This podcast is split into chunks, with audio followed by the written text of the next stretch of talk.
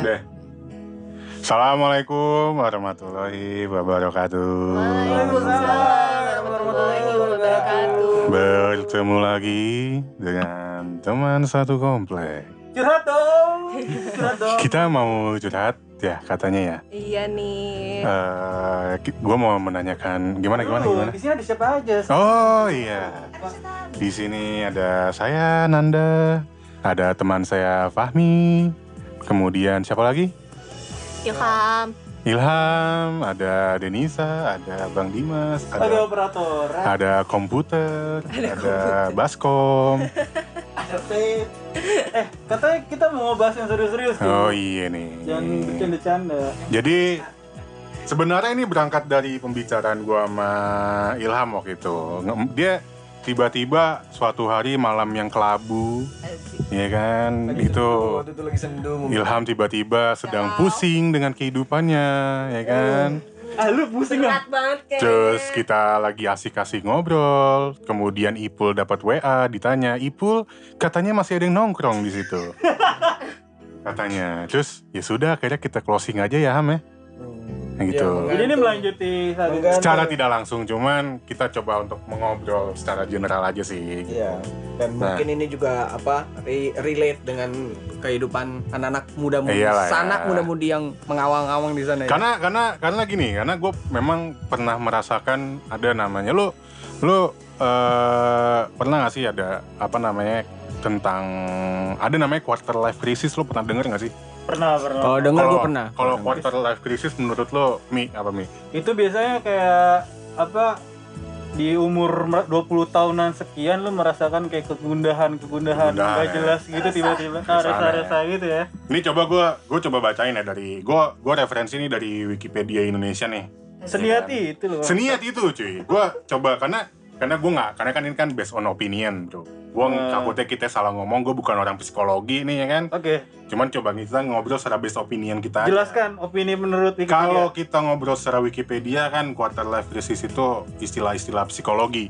ya kan? Hmm. Istilah-istilah psikologi secara umumnya dia kayak merujuk keadaan emosional. Keadaan Hmm. emosional lo ketika lo di umur 20, 30 tahun. Jadi lo kayak semacam lo di antara umur 23 tahun, 30 tahun tuh kayak ada semacam kekhawatiran, terus juga keraguan terhadap kemampuan diri lo sendiri.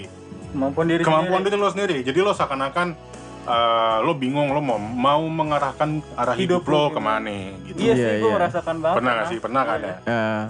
Nah gue pribadi, gue gua gue pribadi pernah gitu. Maksud kayak gue, semua orang pernah kayak semua orang pernah sih ya. Hmm. Gue Itu Iya. itu adalah apa ya? Satu stage kehidupan yang harus Kalau kita lu- lewatin. Kal. kalau lu nggak ngikutin ini berarti lu nggak normal Gitu kan ya. Nah, Hmm. soalnya eh gue dulu pernah pernah bahasan sama teman-teman gue.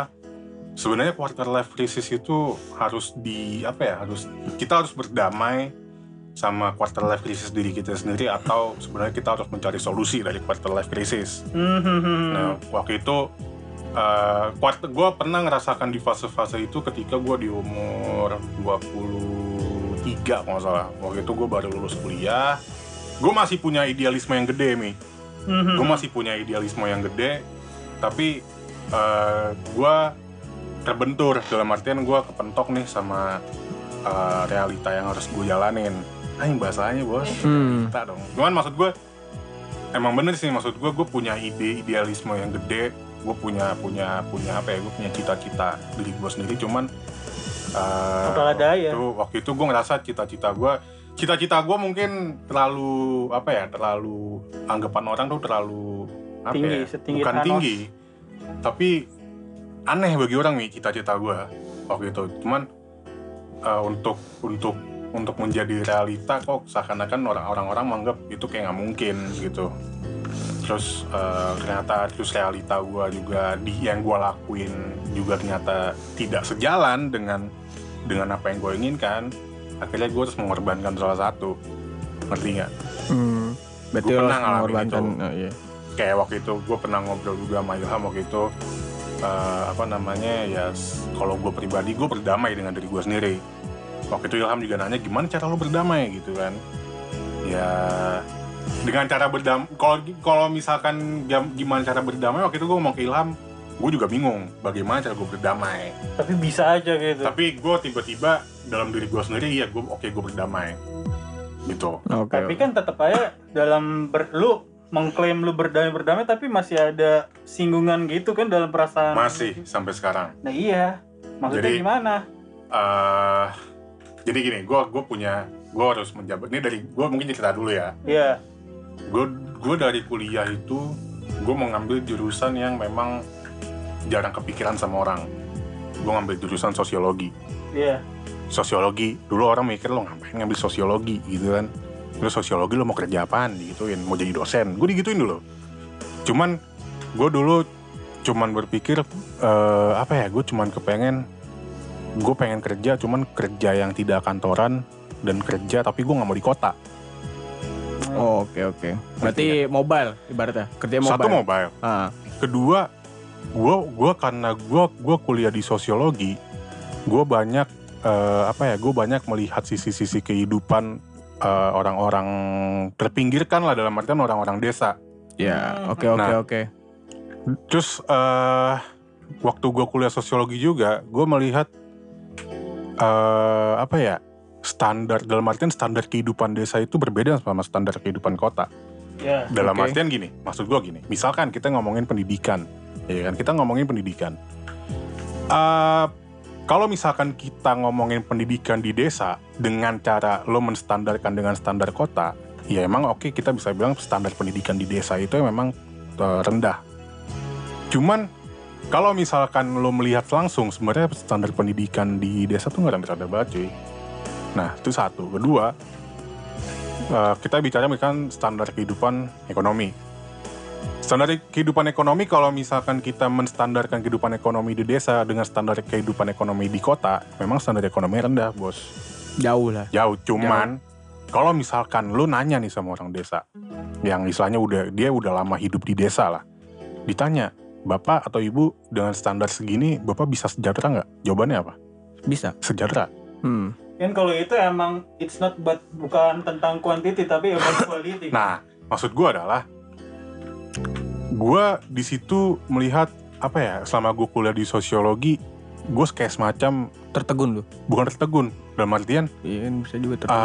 gue gue jadi kayak semacam wise gitu loh Ah. gue wise kok gue senang dengan maksud gue dengan dengan model-model kayak gini gue bisa gue bisa Ah. neliti orang gue bisa ngobrol sama orang nah gue pengen tuh kerja kayak gitu dalam artian gue banyak banyak apa ya misalnya penelitian-penelitian kayak gitu terus juga maksud gue ngangkat ngangkat apa ya dalam artian ngangkat itu ke ranah ranah-ranah publik oke. berarti Gitu. jatuhnya lu apa udah menemukan apa pattern lu mau kerja kayak gimana nah ketika gitu. lu nah bertemu dengan orang kayak Betul. gitu-gitu. nah waktu itu kan gue udah ngobrol sama lo gue gue waktu gue kuliah gue pernah kerja di LSM Iya. ya kan gue pernah kerja di LSM dan sebenarnya gue kerja di LSM itu gue ngomong ke lo sama waktu itu sebenarnya kerja di LSM itu itu sebenarnya bisa udah sebenarnya kalau sekarang nih gue mikirnya itu sebenarnya udah jalan gue untuk mencapai cita-cita gue sebenarnya Pokoknya lu banget Iya. sebenarnya. Iya. gitu ya. ya cuman Kan Kita- ngomong kita ngomong realita Iya. ah, kita ngomongin soal kita ngomong realita bos Iya. gue butuh duit Ah. ya kan?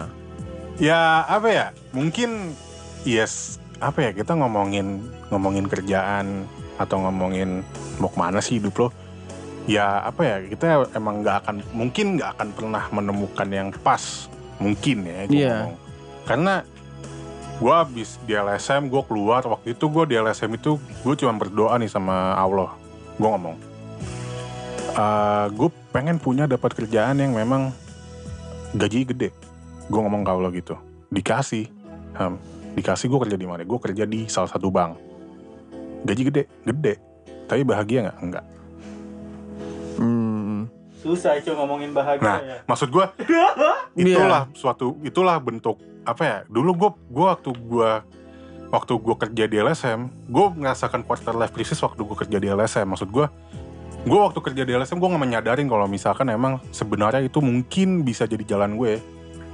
Tapi eh gue baru menyadari itu setelah sekarang. Karena waktu itu gue mikir eh, apa ya gue kerja tapi kok gue kayak apa ya kayak waktu kerja di LSM tuh gue nggak merasa gue kerja gue feel gue di situ Kayak zombie aja lu hidup. gue cuma berpikir Eh, gitu. gue cuma berpikir gue lama-lama kerja kayak gini gue gue mau jadi apaan gitu kan Oh, berarti bukan kerja waktu itu malah Bukan lebih ke kerja. hidup ya. ke hidup waktu Nah, itu lu lu senang melakukan, senang hal melakukan itu. itu. tapi kayak rasa Realitanya Eh, nggak nggak realitanya seba- nggak. nggak segampang itu. nggak segampang itu bos kayak gitu ya pokoknya waktu itu yang gue obrolin ke lo lah gitu Iya. Am.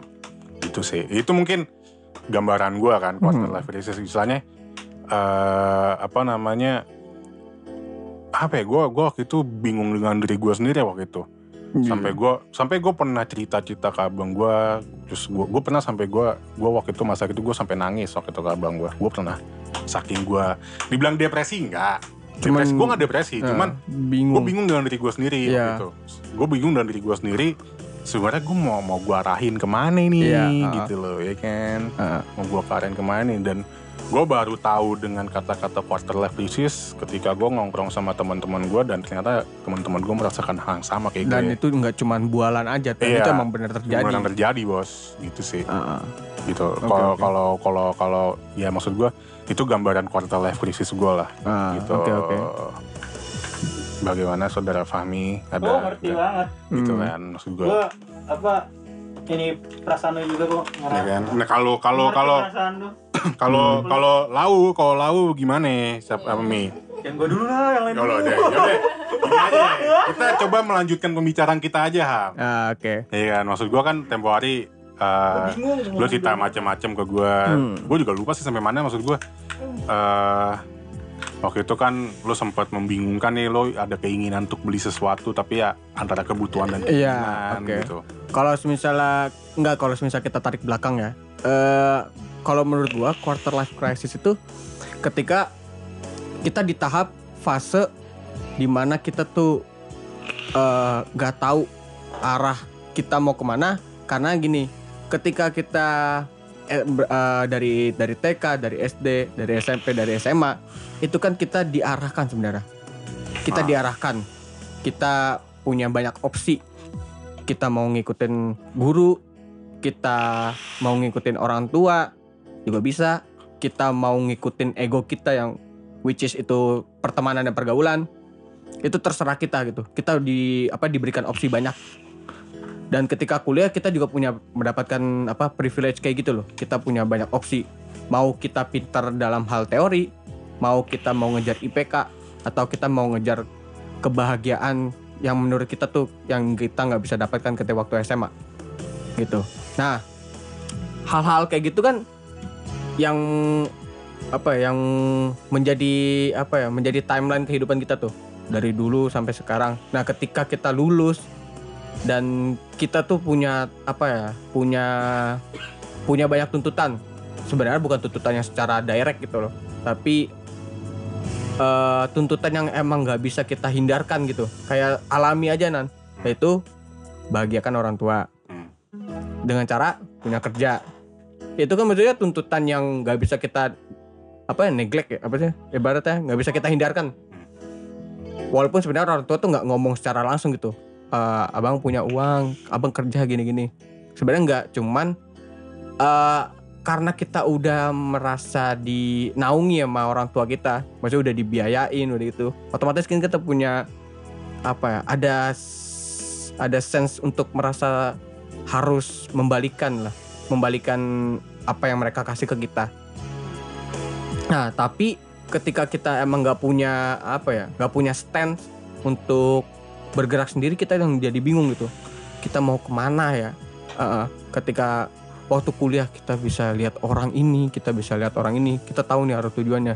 Tapi ketika kita eh, langsung ter- terjun ke kehidupan langsung kita bingung apa yang kita harus lakukan. Tapi lo sebenarnya lo punya impian ah kalau untuk gitu. impian punya Lo cuman punya kan emang impian, kan? eh kalau dulu kita punya impian itu eh hanya sebatas impian dan ada orang yang ngeborderin gitu. Oh, lu harus kayak gini am, gini-gini. Maksudnya ada dosen, ada teman, ada orang tua gitu. Ketika beranjak ke fase selanjutnya, kita kan nggak bisa demand ke orang gitu, karena mau mau tidak mau atau suka tidak suka orang punya apa ya punya kehidupan masing-masing. Iya. ya orang punya kehidupan masing-masing gitu. Paham. dan yang yang gua rasakan sekarang itu lebih ke apa ya gue punya impian nih mau mau kerja di sini.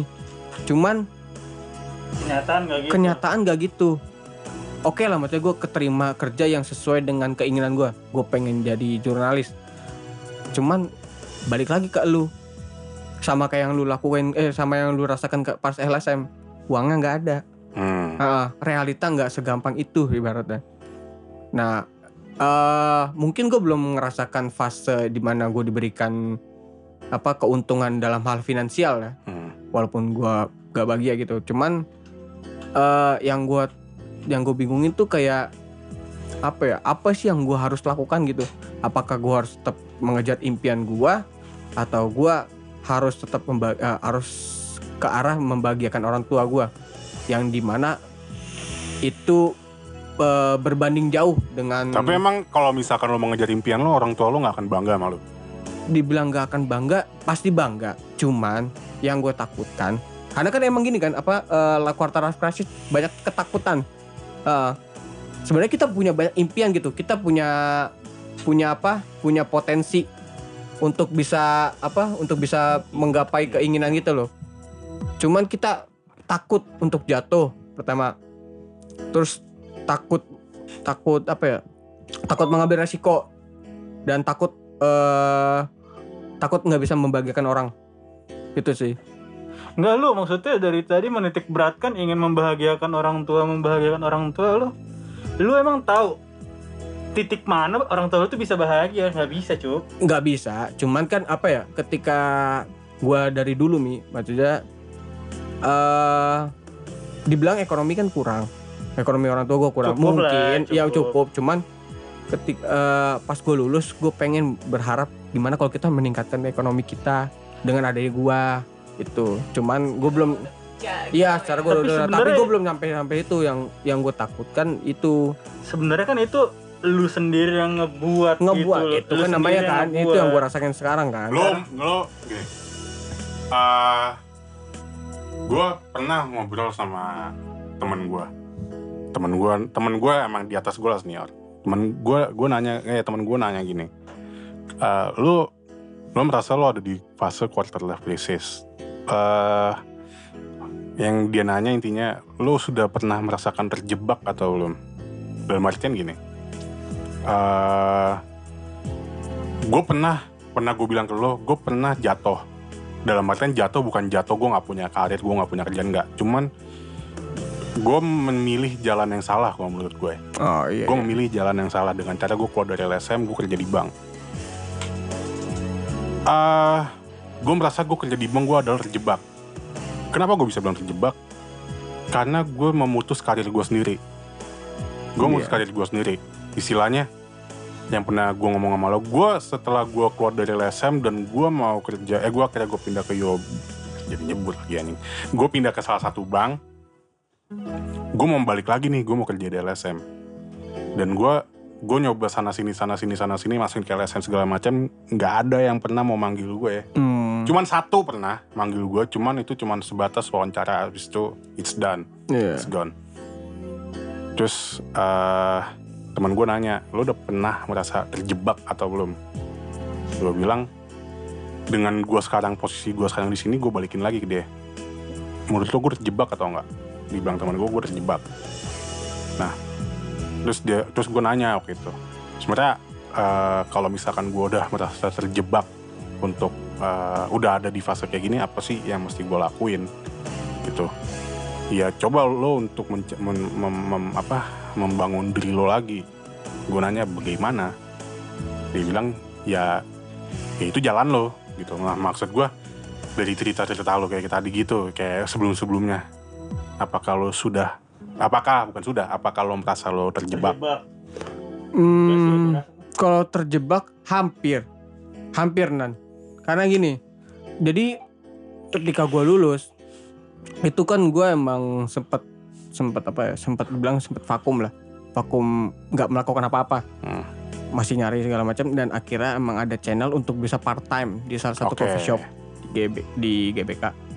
Eh, gue senang melakukan itu karena gue punya dapat eh, bisa dapat ilmu banyak, gue bisa ketemu orang, gue bisa ngobrol banyak hal tentang kehidupan ataupun apa pun itu Hmm. orang-orang. Tapi gue nggak punya nggak punya apa ya, nggak punya uang yang banyak gitu. Balik lagi duit, Ya, ya kan? balik lagi duit. Anjing nah, deh. enggak, ketika ketika gue mendapatkan ketika gue akhirnya punya dua tawaran kerja yang di mana itu sangat berbeda nan benar-benar sangat berbeda pertama saat di salah satu eh, perusahaan yang gue sekarang jalani yang di mana itu gue senang karena gue mendapatkan apa yang gue inginkan gue pengen jadi jurnalis Hmm. mungkin ini salah satu caranya gitu yang kedua gue dia ini di hari yang sama loh gue dapat tawaran kerja itu Hmm. gue inget banget hari Jumat teman beda waktu aja dan di situ gue bingung bener-bener bingung mau apa yang gue kejar di satunya itu gue bisa mendapatkan uang yang lebih banyak cuman gue nggak suka di situ Cuman gini, gue mau nanya deh. Hmm. menurut lo Ah. atau menurut semua sebenarnya gini gue gue yang selalu gue pikirkan gini sih Eh, salah nggak sih kalau misalkan di umur umur kayak kita itu yang dipikirin cuma uang salah nggak Enggak juga sih. kalau menurut lo gimana mi Ya enggak juga sih. Kalau kayaknya kalau gue enggak gue bukan menitik beratkan salah apa enggak ya. Kayak kita tuh emang udah dibentuk kayak what you be bukan what you are gitu loh dari kecil. Kata bener kata Ilham dari TK, SD, SMP, SMA kita tuh kan udah di- diarahin arahin arahin arahin. Hmm. Tapi tidak menitik beratkan "Ih, ente mau jadi apa gitu loh. Ente sukanya di mana. Tapi lebih diajarkan realitasnya yang begini loh yang ada sebenarnya kayak misalkan lo dibilang masuk LSM duitnya kurang gitu loh tapi who knows gitu kalau lu bisa bertahan di situ lima tahun enam tahun tiga tahun kemudian lu punya uang banyak tapi tetap masih di LSM mungkin kitanya aja yang masih muda nggak sabar ingin cepat instan ya, memang udah dibentuk kayak gitu kali ya Nah, you be- makanya ini tugasnya guru-guru BK, BP di sekolah. Anda jangan cuma marah-marahin doang dong. Iya, Anda jangan Tunjukin jangan dong. jangan menitik beratkan kalau uang itu seperti jeruk, Pak. Nipis. Ya gini Eh, lah ya guru-guru BK. Ya, Jangan marahin saya. maksud gue gini gini maksud gue ya kita kita eh, ya mungkin kita tahu lah mungkin emang ada yang ada yang miss dengan sistem pendidikan Indonesia cuman Iya, iya. ya gue lagi nggak mau ngomongin itu lah ya Iya, itu. Gua lagi nggak mau ngomongin itu Ah, sebenarnya. Keluar dari maksud gue Di luar dari ya kita lah. karena kita udah udah merasakan itu gitu kan maksud gue eh gue sebenarnya gue nggak mau membicarakan itu walaupun sebenarnya gue tahu lah dalam artian gue udah lihat bagaimana sistem pendidikan Hmm. baik di Nah, kota atau iya. desa Heeh. Dan Cuman- bukan pendidikan juga maksudnya realita di Indonesia memang begitu cuma iya. ya gimana gitu. Makanya maksud gue makanya gue kenapa, kenapa gue nanya nanya nanya nanya kayak gitu? Maksud gue salah nggak sih kalau misalkan di umur umur kayak kita kita malah lebih membicarakan uang gitu? Maksud gue eh apa ya? Maksud gue Begitu sih nggak salah. nggak salah ya? Preference Nah maksud gue gini, nah gini kalau kalau lo kan Den maksud gue kan eh, bisa dibilang lo jauh nih, iya kan? Lo udah lebih lo udah lebih merasakan pahit dan getirnya kehidupan gitu termasuk sama Bang Dimas nih ya kan. Mhm. Nah maksud gue, gue di umur umur umur umur gue sekarang, gue udah misalnya gini, gue udah gue udah masuk ke dunia kerja itu baru tiga tahun dari 2017. Gue gue sampai dibilang teman-teman gue itu gue mengorbankan idealisme gue sendiri Mhm. dengan karena gue mementingkan duit waktu itu Hmm. karena gue selalu apa ya gue selalu ngedumel. Gue gue capek gue kerja ke mana-mana gue kerja keluar kota bahkan ke antar pulau. Cuman gaji gue gitu-gitu doang gitu. Maksud gue kan lu yang udah beberapa tahun merasakan pahit gitu di kehidupan lu mungkin lebih paham dengan quarter life crisis gitu. Banget. Dan Nah. gue baru melewati fase itu nah, sebenarnya bagaimana tuh? Bukan lewat sih gue rasa. Nanti akan ada lagi. Sebenarnya- sebenarnya sebenarnya quarter life crisis itu masih fase pertama loh. Ya kalau gue baca-baca, kalau gue baca-baca, gue gue baca-baca fase fase quarter life crisis itu baru baru awal-awal lo merasakan Oh pahit iya, gitu kok. kehidupan. Ntar Hmm. Lu lebih ke arah Iya kan? agamis. Iya. Gua lihat, iya, iya. nikah beda lagi Nah itu, gue tuh gimana menurut lo? kalau gue eh, aduh gue kalau ngomongin soal kayak gini bisa nangis karena Nggak apa-apa.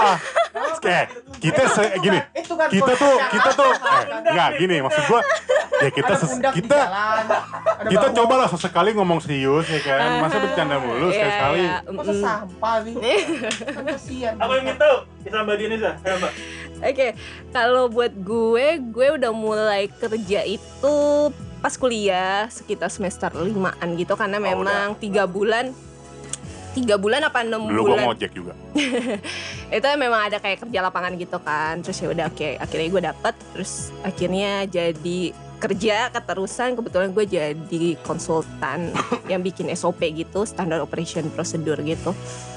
Eh, sama kayak Nanda awalnya tuh ya gue dihadapkan dengan sebenarnya gue suka dengan kerjaan itu karena banyak ilmunya dan sejalan juga dengan jurusan kuliah gue gitu Sorry, sejalan dengan jurusan kuliah lo apa sejalan dengan impian lo? kuliah Kuliah, teman gak sejalan sama impian lo? pada saat itu gue nggak tahu gue mau mau mimpi atau pengen Oke. bikin apa. Lanjut. gitu.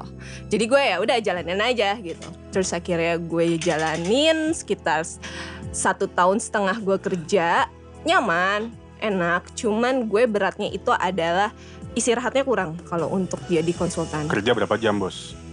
Eh nggak jelas bos. Jadi Nggak, kayak nggak, coba di, di rata-ratain kan lo kerja 8, kalau normal 8 jam. Lo berapa Lebih. jam? 10 jam, lebih, kurang? Bisa. bisa bisa bisa Bisa. bisa lebih. Karena kita kerjanya itu di target. Lo bikin SOP harus selesai itu enam Oh, bulan. iya. Tapi gaji lo nggak gaji lo dalam artian lo nggak nggak lo nggak maksud gue gini. Pada saat itu gaji standar banget. Iya maksud gue lo tetap menerima gaji bulanan kan? Iya terima Oh, iya terima. Dan Kita nggak usah bahas besaran gaji lah. Iya oke lah gitu. Eh, terus ke mana eh, sering nggak sering juga sih tergantung dapat kliennya di mana kita kita stay di situ gitu. Kayak gitu sih. Gua nggak kuatnya itu karena fisik. Satu tidur tuh kurang, stres, bisa tidur cuma 3 jam 4 jam sehari. Terus udah sibuk lagi, stres ngadepin karyawan atau user yang banyak karakternya tapi kita karena gini yang namanya SOP itu nge ngeubah kebiasaan mereka. Yang tadinya kerja itu tumpang tindih kita arahkan jadi yang bener itu kan ada yang udah keenakan dengan kerjaan dia kayak gitu gitu. Tapi yang yang ngedukung kita itu adalah yang orang-orang yang terima sampah kerjaan yang tumpang tindih ini gitu. Jadi ya banyak lah konfliknya. berubah-ubah terus mbak. Nah itu dia makanya Makanya. bikin pakemnya itu yang bikin susah gitu. Dan berarti rawan, berarti tua lah banget banget gitu. kita harus ngadepin eh, sifat orang juga tapi kerjaan juga dituntut. Ya gimana gitu. Itu yang bikin batin gue tuh agak aduh udah deh. Dan kenapa gue keluar juga? Karena gue berat adalah gue mau sidang skripsi pada saat itu. Oh, gue udah Oh ninggalin berarti, berarti, sorry. berarti lo waktu lo kerja di waktu lo zaman kuliah itu magang part time. Oh, nggak sih full magang mungkin ya, terus Hmm. keterusan mungkin. gue sih kerjanya jatuhnya sih full karena emang bos gue itu nerima orang yang mau ku- eh, apa yang masih kuliah nggak apa-apa gitu dan kebetulan gue masuk eh ngambil kelas tuh yang kelas malam kuliah gue Kebetulan gitu. murah gitu ya udahlah iya itu dia benar enggak benar benar benar jadi gue gue ngambilnya ya udah pengalaman gue apa apalah gue gaji segini tapi gue dapet ilmunya gitu gue ngambil positifnya itu aja Oke, itu kan dulu, iya kan? Itu kan dulu. mm. Eh, gue eh, mau nanya dulu nih. Hmm. Kalau lo kan tadi lo bilang waktu lo kerja waktu lo kerja di situ lo belum ada keinginan nih lo kira-kira lo Mm-mm. lo kemauan lo apa sih Mm-mm. atau lo lo lo udah berpikir lo mau jadi apa? Mhm. Nah lo eh, selama lo kerja selama lo selama lo udah dalam dunia kerja lo udah pindah berapa kali? Hmm, satu dua tiga Tiga. tiga, Tiga. dan yang ini yang keempat Nah maksud gue eh kalau sekarang lo apa kalau ada lo udah lo udah menentukan nih kira-kira gue mau jadi apa sih gitu? Eh berat ya pengen jadi apanya Atau atau mungkin lo punya pekerjaan impian sebenarnya? Eh, sebenarnya setelah gue pikirin untuk sekarang jujur sebenarnya gue lebih nyaman sebenarnya pengen gitu balik lagi jadi konsultan konsultan apa? Eh, yang kayak Oke. kemarin itu. Karena gue suka menganalisa sesuatu dan segala macam. Ibaratnya itu passion gue lah gitu. Cuman gue masih kejebak dengan apply apply gue harus harus kirim ke mana? Atau ada beberapa yang pernah gue kirim juga tapi nggak direspon kayak gitu gitu ya sudahlah gitu.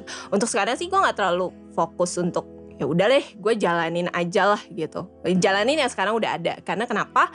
Gue udah pernah kejebak eh, dalam pilihan yang salah Berarti lo bisa gue simpulkan kalau kalau kalau kalau tadi kan lu sebenarnya kalau gua mungkin kalau misalnya emang lu Hmm. salah karena kan gue juga pernah gue menganggap gue Hmm. sudah masalah gue udah salah ngambil jalan Mhm, gue merasa ketika gue salah ngambil jalan gue jatuh mhm. diri gue jatuh apa kalau juga merasa diri lo jatuh Udah. like what gue pas setelah jadi SO, eh jadi konsultan itu gue kerja di eh, asuransi bagian penagihan dan segala macam. Itu gue sekitar 4 tahun Eh, itu gue tetap jadi kontrak. Aw- eh, niat gue waktu waktu di sana tuh udah sempet ditawarin kayak mau jadi karyawan tetap. Sebenarnya gue nyaman dengan lingkungan itu cuman lama-lama jadi agak muak ya dengan eh, banyaknya perubahan di sana terus gue ibaratnya dijanjikan tapi nggak terrealisasikan. Ya udah buat apa? Gue nggak bisa kerja yang di tempat yang gue nggak nyaman. Dengan lingkungan orang yang seperti itu juga. Jadi istilahnya istilahnya uh, mungkin sama kayak gue. Kalau kalau gue uh, kenapa akhirnya gue juga keluar dari dari LSM Mhm. karena karena gue bukan cuma masalah gaji waktu itu. Hmm. gue keluar karena uh, orang-orangnya tidak bisa menerima ide fresh. Hmm. Ya sorry. Ya maksud gue Hmm, hmm, hmm, I know. gue nggak perlu sebutin nama LSM Hmm, -nya. hmm, hmm. maksud gue karena LSM -nya semuanya tuh semuanya isinya orang tua. Ah, LSM gua- LSM-nya itu udah masuk LSM tua di Indonesia. Bahkan dia masuk LSM besar. besar. Mhm, dan bahkan waktu itu waktu zaman orde, orde baru LSM ini dibilang LSM plat merah. Hmm. dibilangnya. Dan gue banget kiri ya plat merah bos. Bukan merah. Ini plat merah. Plat nomor merah. Gitu. Ini plat nomor merah. nah nah bisa dibilang memang Mhm. LSM ini adalah LSM yang dekat dengan pemerintah waktu itu Hmm. zaman Orba. Di ya diberikan makanan lah oleh Mhm, pemerintah. Mhm. gue gak perlu sebutin ntar gue Iya, ntar gue disuruh minta maaf kan kayak juga nah karena isinya orang tua akhirnya eh, pedomannya adalah orang tua Hmm. bebel sih kalau orang tua. exactly dan memang pendirinya adalah pendirinya adalah orang yang memang dekat sekali dengan Pak Harto waktu itu Oh. orangnya terkenal kok Hmm. orangnya terkenal ada di Google Goks. di Google ada waktu itu, nah waktu itu Oke. gue pernah nyeletuk gue pernah nyeletuk gue kritikin sama sama sama orang yang deket sama Hmm. dia gue kritik kayak gini. Kenapa sih kita harus berpedoman sama si dia? Gue gue gue ngomong gini. Kalau misalkan dia meninggal kita mau berpedoman sama siapa? Dan mereka nggak bisa terima. Ya kalau misalkan dia meninggal kita kita, kita tetap pedomannya bapak Itulah ini pakemnya ya nggak gitu. bisa bos dalam hati gue. Nggak bisa dong gue bilang. Kalau misalkan meninggal ya nggak bi- nggak bisa selalu berpa- berpatokan sama dia. Nah itu yang nggak bisa gue terima salah satunya. Maksud gue ah gue kerja cuman apa ya kayak gue mau gue mau menyalurkan ide-ide gue yang apa yang gue impikan waktu itu. Mhm. cuman nggak pernah bisa terjadi. Eh, nggak nggak akan pernah bisa terjadi bagi gue Karena bentroknya dengan si pedoman Yoms, itu. gitu gue itu ya sorry maksud gue waktu itu gue emang orang gue orang yang apa ya waktu itu gue orang yang Idealisnya tinggi. Tinggi tinggi. Hmm. tinggi banget bos. Susah baru lulus baru lulus baru Iya. lulus baru lulus. Mungkin Ilham tahu lah bagaimana orang sosiologi di Brawijaya ya kan? Emang emang begitu maksud gue Hmm. gitu. akhirnya gue cabut. Gue cabut cuman ya udah akhirnya gue salah jalan salah jalan. Kalau gue itu salah, eh nggak sebenarnya sih nggak salah. Jadi gue juga agak bingung sih. Gue gue menyatakan gue salah apa enggak. Cuman yang jelas kita mencari yang lebih baik nggak ada salah kan. it's okay Iya, it's okay gitu. Akhirnya gue move dari yang asuransi itu, gue dapet di tempat baru dengan ibaratnya gue mikir, wah gue perfect nih, gue udah gue udah punya pengalaman kayak gini, gue pindah dengan balik lagi soal eh, ekonomi, gaji ge- lebih gede, siapa yang nggak mau gitu kan? Dan walaupun gue terima konsekuensinya itu, tugas gue banyak. Oke, gue udah pada saat itu gue udah ke planning gue harus gimana di sana gue harus ngebangun eh, jadi itu kayak perusahaan baru gitu sih Oke, kita keep dulu. Hmm. Ya kan? Kita keep dulu. Nanti kita akan membicarakan bagaimana cara lo berdamai gitu kan. Hmm, oke Coba kita tanya ke orang tua satunya lagi. Nah, ini lebih-lebih loh ini. Tapi kayaknya dari tadi lu pada ngomong ekonomi ekonomi Apa? Makanya belum, belum. Nanti ntar gue ada cerita lagi. ekonomi tapi Gue cerita lagi. Apa nih? Nah maksud gue kan eh, lo nih udah sangat mungkin berpengalaman gitu. Apakah lo pernah merasakan quarter life crisis? Kalau quarter life crisis sih, kalau gua pribadi ya pernah sih, pernah rasain. Gimana gimana? Itu normal ya, masih normal. Iya. Kan gue dimulai dari Nih gue flashback dulu ya, nggak Gak apa-apa ya? apa-apa, gak apa-apa. Dari Gak apa-apa, cuman mungkin agak dulu ya. agak durasi bos. kalau kan Iya tenangkan durasi gue yang edit. Karena kita akan berbicara bagaimana kamu berdamai. Perdamaian sama Oh itu quarter quarter quarter krisis dulu ya. Iya. Gue waktu itu kan eh tahun 2006 gue lulus kuliah ya. Hmm. Eh lulus kuliah anjing tua banget gue. Lulus SMA. Ya, nggak apa-apa 2006. juga sih. cuman. iya. 2000 2006 gue lulus SMA. Itu gue awalnya hmm, gue masuk salah satu universitas yang sebenarnya gue nggak nggak ini sih nggak mau Oke. waktu itu. Gue cuma jalan sampai tiga semester atau empat semester gitu terus habis itu gue pindah yang gue pindah pada saat itu kan ya orang tua gue ya bukan keluarga mampu juga gitu kan ya sampai pengen jual rumah yang satunya lagi deh yang di daerah Jakpus eh Jakbar sana buat biar gue biar gue kuliah. Enggak gue gue karena enggak gue nggak mau gue nggak mau kuliah di situ awalnya. Nah gue di situ ya mikir aja kan. Eh ya gue di situ sampai sampai nyari kerja nyampe sambil sambil kayak bantuin kerja tuh apa ya hmm, jaga OP warnet gue pernah. Terus bantuin temen gue kalau install install Windows gue pernah. Jadi dibayari di, dibayar dari cuman bayar dua puluh ribu sampai gocap sampai cepet. Ya gue cuma buat mikir buat bantuin. Ya gue gua gua gua berpikir gue gak akan pernah bisa bantu nyokap bokap dan gak pernah akan bisa ngebales sih kebaikannya mereka. Sampai gue nanti gue masuk kuburan juga gue gak akan bisa ngebales. Setidaknya gue bisa membuat mereka tuh tahu oh gue gue tuh nyari duit sendiri pernah gitu Nah, cuman gini, gue mau nanya. itu kan maksud gue eh, apa ya? Maksud gue itu kan mungkin adalah gue bisa melihatnya mungkin itu ada suatu bentuk kesaha, keharusan yang lo bangun di diri lo, Mm-mm. iya kan? Maksud gue karena kan kita berangkatnya kita berangkat kita membicarakan quarter life crisis adalah ah, sebenarnya ada yang lo ada yang pengen ada yang ada yang lo pengen sesuatu yang lo kejar. Ya. Dalam artian eh lo sebenarnya lo tahu nih apa yang lo mau. Cuman lo bingung apa gue harus ngapain sih Nah. untuk ngejarin. Nah maksud gue eh dari kita eh, dari impian lo sendiri ap- lo punya impian seperti apa? Eh apakah apakah sebenarnya keseharusan yang lo bicarain itu kebentur dengan impian lo sendiri gitu kalau dibilang kebentur ya sebenarnya iya juga sih. Impian gue sebenarnya gue gue nggak mimpi kayak kerja kayak kantor kayak lo kayak Denisa kayak siapa gue nggak mimpi. Karena gue merasa ya emang jiwa gue bukan yang jiwa-jiwa di kantor gitu. Gue tuh pengennya wira swasta kalau gue apakah dengan lo sekarang membangun studio itu udah impian lo ya sebenarnya termasuk impian tapi kan kasarannya gue bangun studio ini kan masih minta bantuan lah ya sama nyokap bokap Nah, gue ke ini maksud gue kan, maksud gue nih, eh apa namanya? Sorry ya, maksud gue dari gue motong-motong nih, Hmm. gak durasi nih kita nih. Nah, maksud gue, eh lo membangun studio itu udah menjadi impian lo. Dan Iya. alhamdulillah nih lo lo kecapai untuk membangun studio dari lo sendiri. Iya. Nah, maksud gue, lo bangun studio tahun apa sih? Tahun berapa sih? gue mulai bangun studio ini 2015 2015. Ah, ah.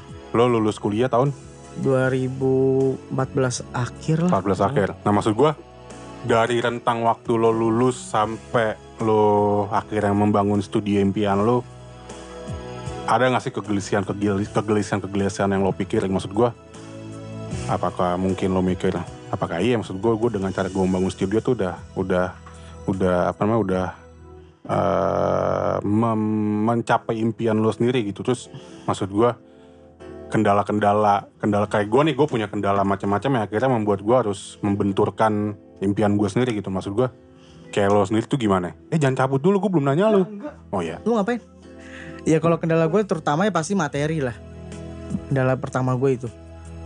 Makanya kan gue bangun studio ini kan nyicil-nyicil juga kan, nggak nggak sekaligus jebret sekali beli-beli semua nggak. Gue nyicil-nyicil juga dari gue cuman satu apa terus gue jual barang apa untuk untuk beli barang ini gitu loh. Oke. jadi nggak nggak ya kalau dibilang terbentur ya terbentur karena kan ya lu tau lah studio produk-produknya gears-gearsnya kan nggak semurah kayak lu bangun katakan lu bangun warnet warnet modal 100 juta der udah selesai. Kalau studio 100 juta nggak cukup bisa 1 m 2 m ya sampai nggak terbatas gitu uangnya Apa lo Gitu. nih maksud gua apakah masih ada maksud gua ada impian-impian tersendiri lo yang belum tercapai? oh jelas Apa itu? ya gue pengen ngembangin di studio gue ini jadi lebih besar lagi gue pengen renovasi rumah gue ini gue bener-bener pengen tuh Rumah ini studio. rumah gue ini di lantai dua nih emang buat kerja gue nyari uang gue di sini jadi gue ya sedikit sedikit makanya kan gue nyari duit dari bikin apa uh, sound design bikin jingle iklan bikin apalah segala macam gitu. Gue ngerjain film pendeknya tangga gue gitu. Gue itu buat dikit-dikit buat mau gue tuh bener-bener impian gue tuh gue pengen hidup dari sini. Gue pengen hidup dari studio gue ini. Berarti memang maksud lo gue impian sudah gue di sini. maksud gua apa yang lo Walaupun lakukan di luar gue nyari tambahan juga ya, misalnya gue kayak ini kayak lagi ada masa pandemi Iya. ini biasanya gue jemput ponakan gue kan tuh gue dibayar, Ini kan? Karena nggak ada jadi masukan gue nggak berkurang juga gitu. Berarti maksud gua kan secara secara penjabaran lo impian-impian lo nih udah sejalan gitu ya kan? Maksud gua nggak kayak gua nih. Maksud gua gue punya impian cuman Ya tapi nggak juga bilang sejalanan, tapi kalau kadang-kadang gue lagi berpikir di tempat sendiri gitu ya, kalau gue lagi sendiri kadang-kadang gue mikir apa udah benar nih impian gue kayak gini, terus oh oke. Menarik Apa? nih. apa berarti udah- lo sebenarnya masih punya keraguan dong? Ya ya ya manusia pasti punya keraguan. iya. Maksud gue gini loh, gue kadang-kadang melihat impian gue ini, ya gue sadar lah, gue bukan keluarga yang miliuner, bukan keluarga yang mungkin kalau keluarga gue kaya raya banget, gue akan berani dengan yakin, oke gue mau bangun ini jebret full der, mau bangun semuanya gitu. Tapi gue mikir, nih apa gue bisa hidup dari sini, ntar gue kalau udah nikah, apa gue bisa ngidupin bini gue dari Itu. sini? Nah itu gue, gue, gue benar itu Gua- benar gua- gua benar mikir. benar benar bos gue mikir ke situ tuh, gue mikir situ, gue mikir situ apa gue ntar gue udah nikah, gue bisa ngidupin dari studio gue ini, tapi sembari jalan ya sembari Bismillah aja lah, sembari apa namanya nyari peluang juga sih, gue gue gak nutup kemungkinan kalau gue usahanya di sini doang, jadi jadi gue mungkin kalau ada teman yang nawarin usaha apa lagi yang menurut gue menarik, gue mungkin bisa ikut juga, bisa, join.